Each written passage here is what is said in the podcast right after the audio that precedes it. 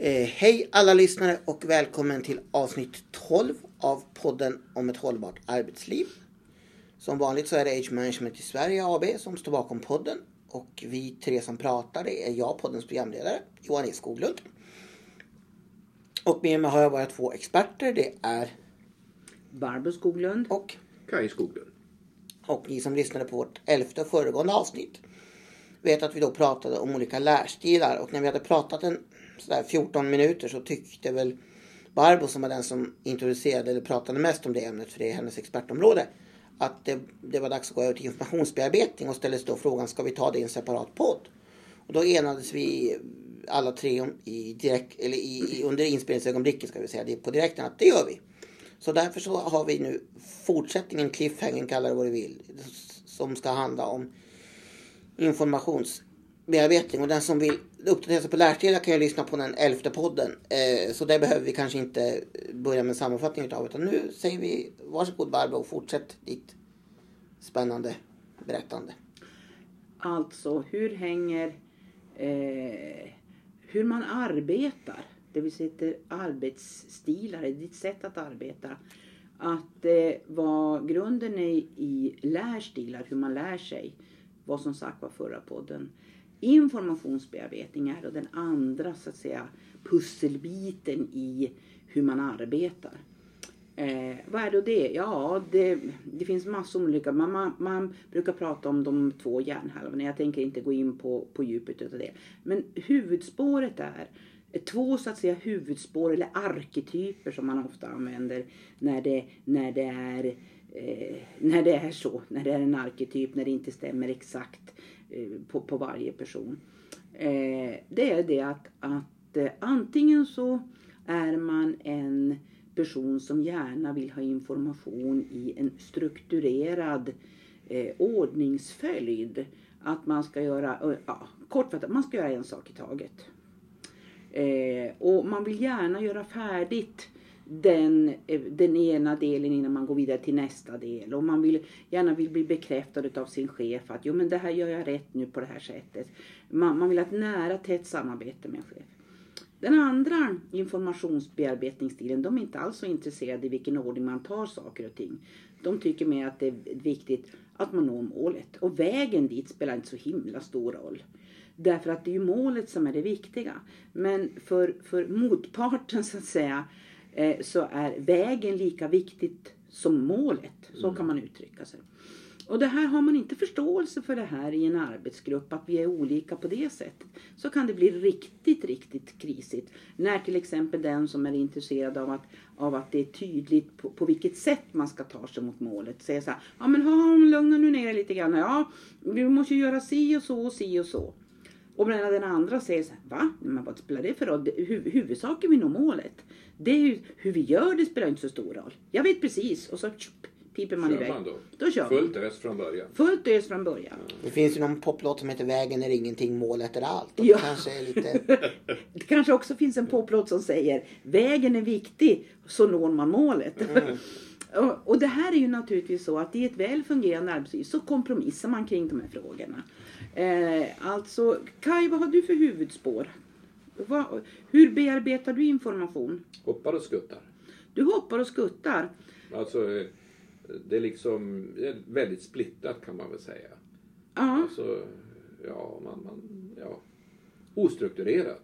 Eller man kan också kalla det för väldigt kreativt. Väldigt kreativt. Ja. Ja, det, det, det är liksom ett mer positivt sätt att beskriva det. Just det. Men, men, men samtidigt så, eftersom jag har ju varit chef i många år så, så eh, man kan ju inte leda en organisation genom att hoppa och skutta eh, och bara vara så att säga, idérik hela tiden. Man måste ju träna upp sig och bli strukturerad.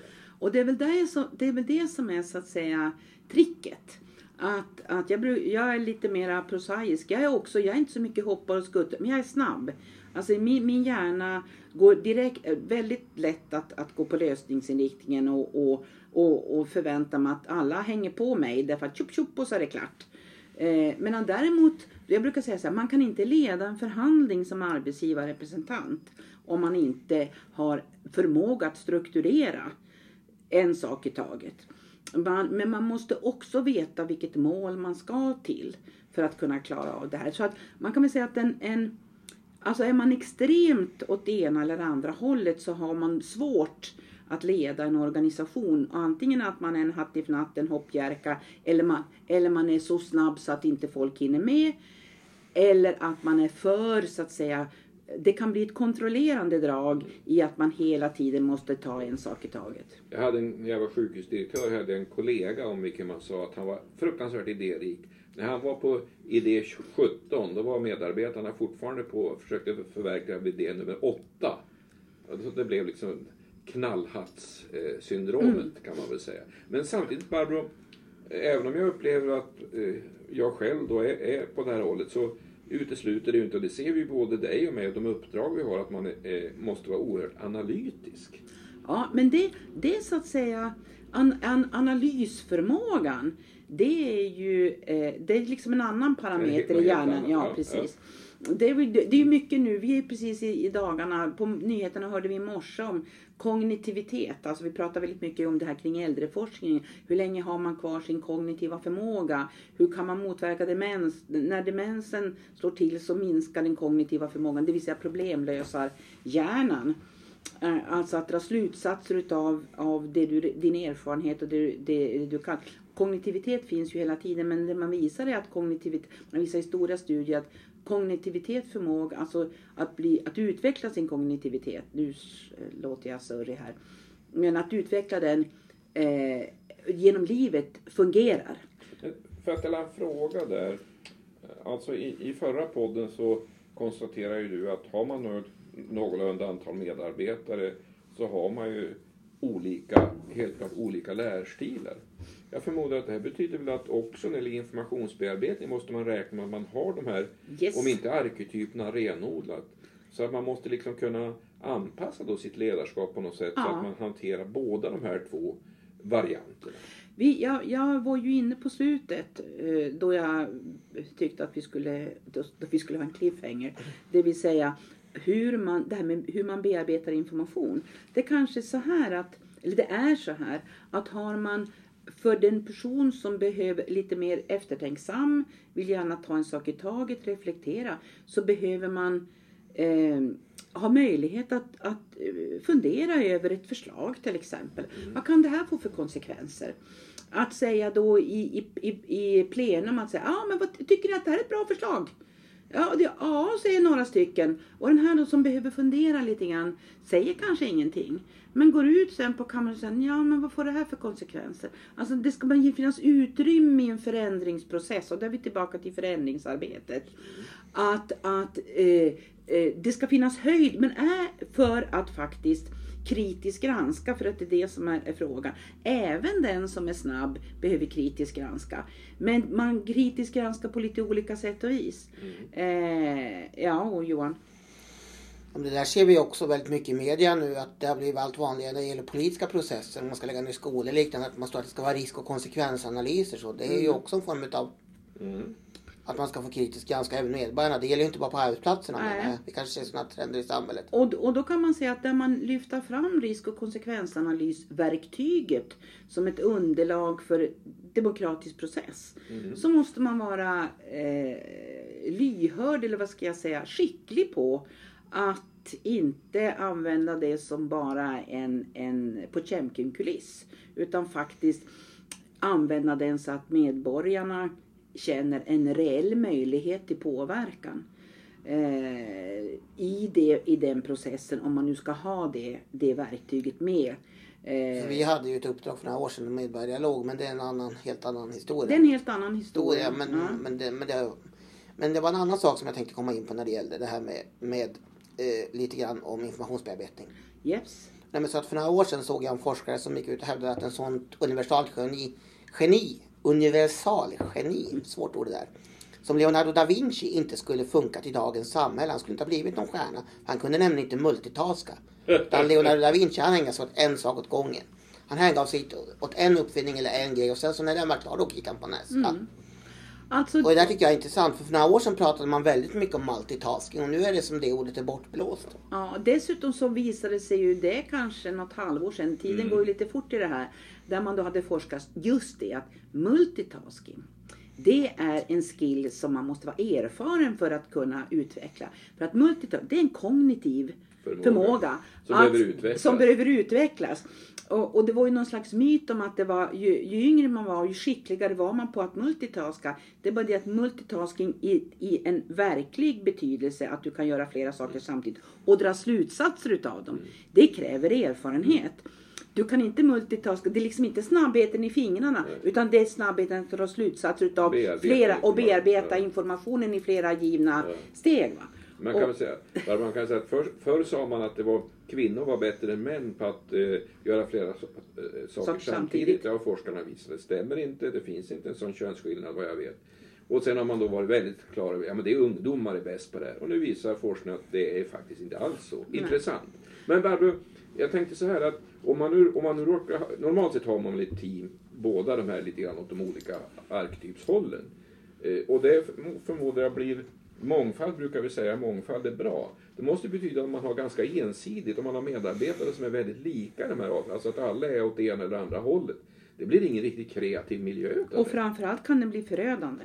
Om det är för mycket hattifnattar, snabba, eh, så kör så det ryker och det inte finns någon som säger ha ha, stopp, mm, ah. Eh, då, Och framförallt om du har en ledare som inte eh, klarar av att vara både och.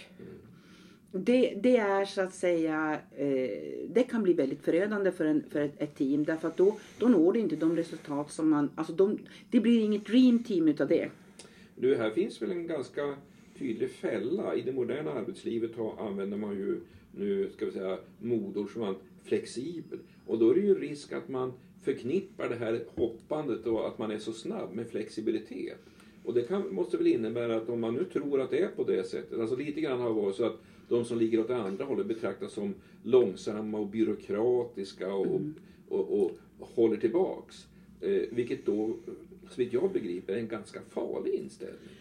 Ja, framförallt om, den, om, om, om det betyder att eh, man, vilket ju är väldigt vanligt, att det rätta sättet att vara är som chefen är. Mm. Alltså det, det är chefens struktur av att verka och, och fungera oavsett vad det gäller, jag gäller massor med saker, som role model. Det är det rätta sättet. Och då, då måste chefen eh, vara den som bejakar mångfalden i det här och styr och säger Stopp och belägg, nu lyssnar vi på, på den och den, nu gör vi si och så. Det finns alltså reflektionsmöjligheter. Vi- kan vi inte fatta beslut nu? Alla vet ju vad. Nej, jag vill att vi tänker på saken till nästa veckomöte. Eh, jag vill ta fram alla, alla, alla så att säga, reflektioner. Dessutom kan man ju öva upp sig.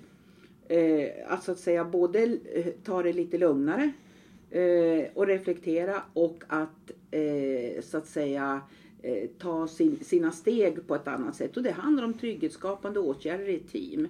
Att det, det är okej med den här olikheten, att det inte är så att säga att det är ett sätt som gäller. Respekt för de här olikheterna för att prata klartext. En annan aspekt vi också kanske kan komma in på lite lätt slutet. Om tiden räcker, ja. Det, det är också det, för vi kunde i lokalmedia förra veckan så var det pressvisning av ett lokalt nytt stort kontorshus som har byggts. Och där hade man som också en grej som är på modet, men man, hade, man har inga fasta kontor. Nej. Det här är ju det nya och på 80-talet så var det kontorslandskap och där forskas i kontorslandskapen bra eller dåliga, hur ska vi ha det? Och vi är ju som sagt var ett litet företag så vi är tre personer, vi sitter i ett och samma rum. Och ibland så är det någon som måste ringa och jag har hörlurar som jag sätter på mig när jag lyssnar på sån musik som, som de andra på kontoret inte vill höra. Ibland säger de, men Mik spelar gärna musik och då spelar jag klassisk musik eller jazz. Sånt som jag vet att alla tre kan lyssna på. Men ska det vara rock eller något som de inte tycker om, då sätter jag på lurarna. Så det här är också intressant.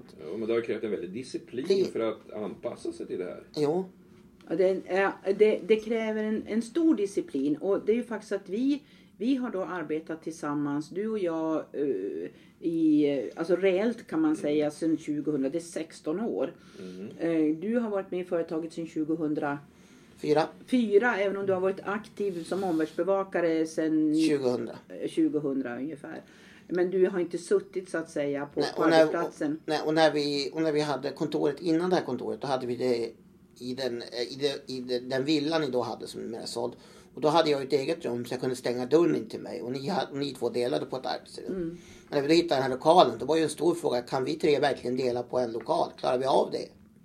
Och då, det handlar som sagt om respekt och disciplin. Vi åker dit, vi åker dit fortfarande när, när så att säga det händer någonting eller man, man återgår till sin, sin man, man, man missar så att säga den här, den här hänsynstagande. Ingen är, ingen Eller är man läser något spännande på nätet och plötsligt säger högt men oj det här var intressant att bara läsa och så säger de andra du jobbar faktiskt.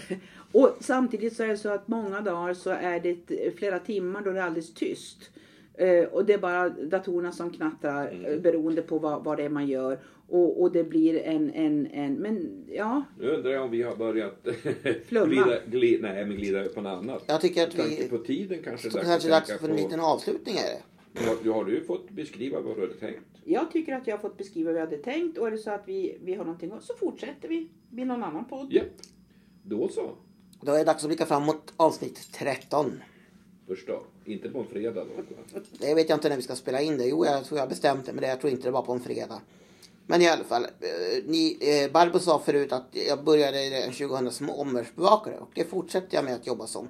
Och en del av mitt omvärldsbevakande är att jag regelbundet går ut på nätet och söker på ordet åldersmedvetet. Det är ord som vi har, eh, kan väl, eller som det här företaget, i alla fall Barbro Kaj kan vara, sägas vara upphovsmänniskor till. Och då händer det att man ibland stöter på det ordet i en del nya sammanhang. Så i nästa podd så tänkte vi helt enkelt redogöra för de senaste eh, åldersmedvetna trenderna om vi så får säga. Eller hur ålders, åldersmedvetet har, har, har, har, förändrats, kan vi, eller har utvecklats kan vi väl säga. Ja, utvecklas ett Så, bra ord. ja. Vi är väldigt stolta över att vi, vi hittade på det här. Det har vi berättat på en podd Ja. tidigare. Jo, men det tar vi i nästa avsnitt. Nu ja. säger vi tack och hej och vi som gör det är Johan E Skoglund. Barbro Skoglund. Och- Okej, dito. Tack och hej!